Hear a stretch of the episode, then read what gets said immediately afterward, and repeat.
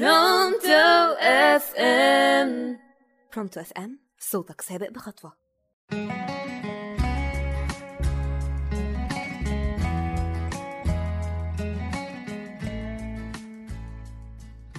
يومكم سعادة يوم خير وتفاؤل يوم حب ويوم قرب من أمنياتنا وأحلامنا والناس اللي بتاخد بإيدينا للخير.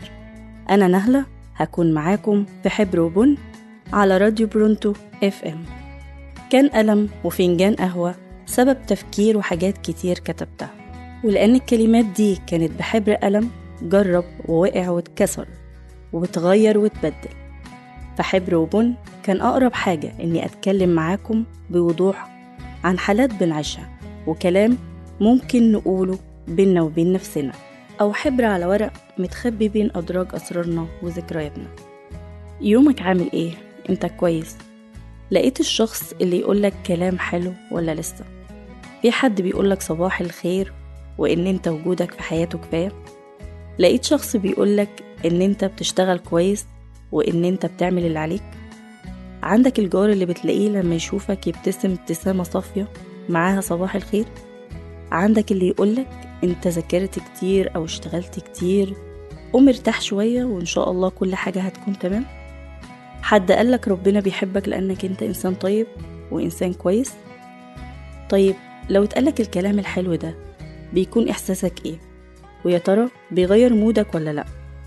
هو أنت قلت لحد كلام حلو النهارده؟ ولا أنت دايما بتلوم وتعتب وتأنب على كل هين وعظيم؟ وأنا في محاضرة حد من زملائي قبض بشكل محرج وردة الفعل كانت محرجة أكتر وهي إن الصف كله ضحك. لكن المحاضر كان إنسان لطيف وراح يسأله أنت كويس؟ حصل لك حاجة؟ تلقائي وبدون ما يظهر عليه أي فعل ساخر. الشخص ده بعد مؤازرة المحاضر ليه تحولت ملامح وشه من إنه محرج وبيهرب بنظراته مننا إلى إنه مطمن وكل حاجة تمام. سهلة جدا مش كده؟ بس أنقذته من موقف محرج ممكن يأثر عليه باقي اليوم وخاصة إنه من الشخصيات الحساسة. عرفت إزاي ساعتها إن الكلمة الحلوة ممكن تصنع يوم جميل وإنها إزاي ممكن تخلي الشخص يستعيد ثقته بنفسه وإنه ممكن ينتج أكتر برضه بكلمة حلوة وإنك ممكن تنقذه من حالة سيئة بكلمة حلوة أو كلمة جبر خاطر.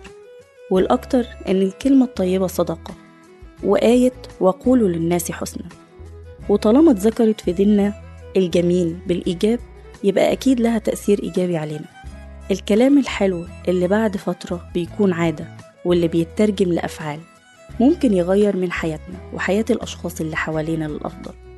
أكيد لو دورنا حوالينا هنلاقي الشخص اللي محتاجه وهنلاقي الطريق الصح اللي نوصله بيه إنه شخص كويس وإنه مهم في حياة اللي حواليه طبعا أول ما قلنا كلام حلو تلقائيا ربطناه بالحب وفعلا الكلام مهما كان متزوق عمره ما بيكون حلو إلا لو طلع بحب. عشان كده مهم جدا بين الزوجين وبين الأسرة. وفي العمل والتعليم بيجي على شكل تشجيع وبين الناس بيجي على شكل تصرفات لطيفة. ممكن تختار لطلابك أو زمايلك كلام حلو تناديهم بيه أو كل فترة تكتب لهم كلمة تشجيع على طرف الكتاب. أنت مش مجبور تقول كلام حلو ممكن تكون بشوش أو على الأقل بلاش تأذي الناس بكلامك اللي بيوجعهم. هي الكلمة الحلوة أو التصرف اللطيف بياخد منك وقت قد إيه؟ ولا حاجة. دقيقة بالكتير بس بيأثر على مدار يوم ويمكن يغير من نظرة شخص لنفسه.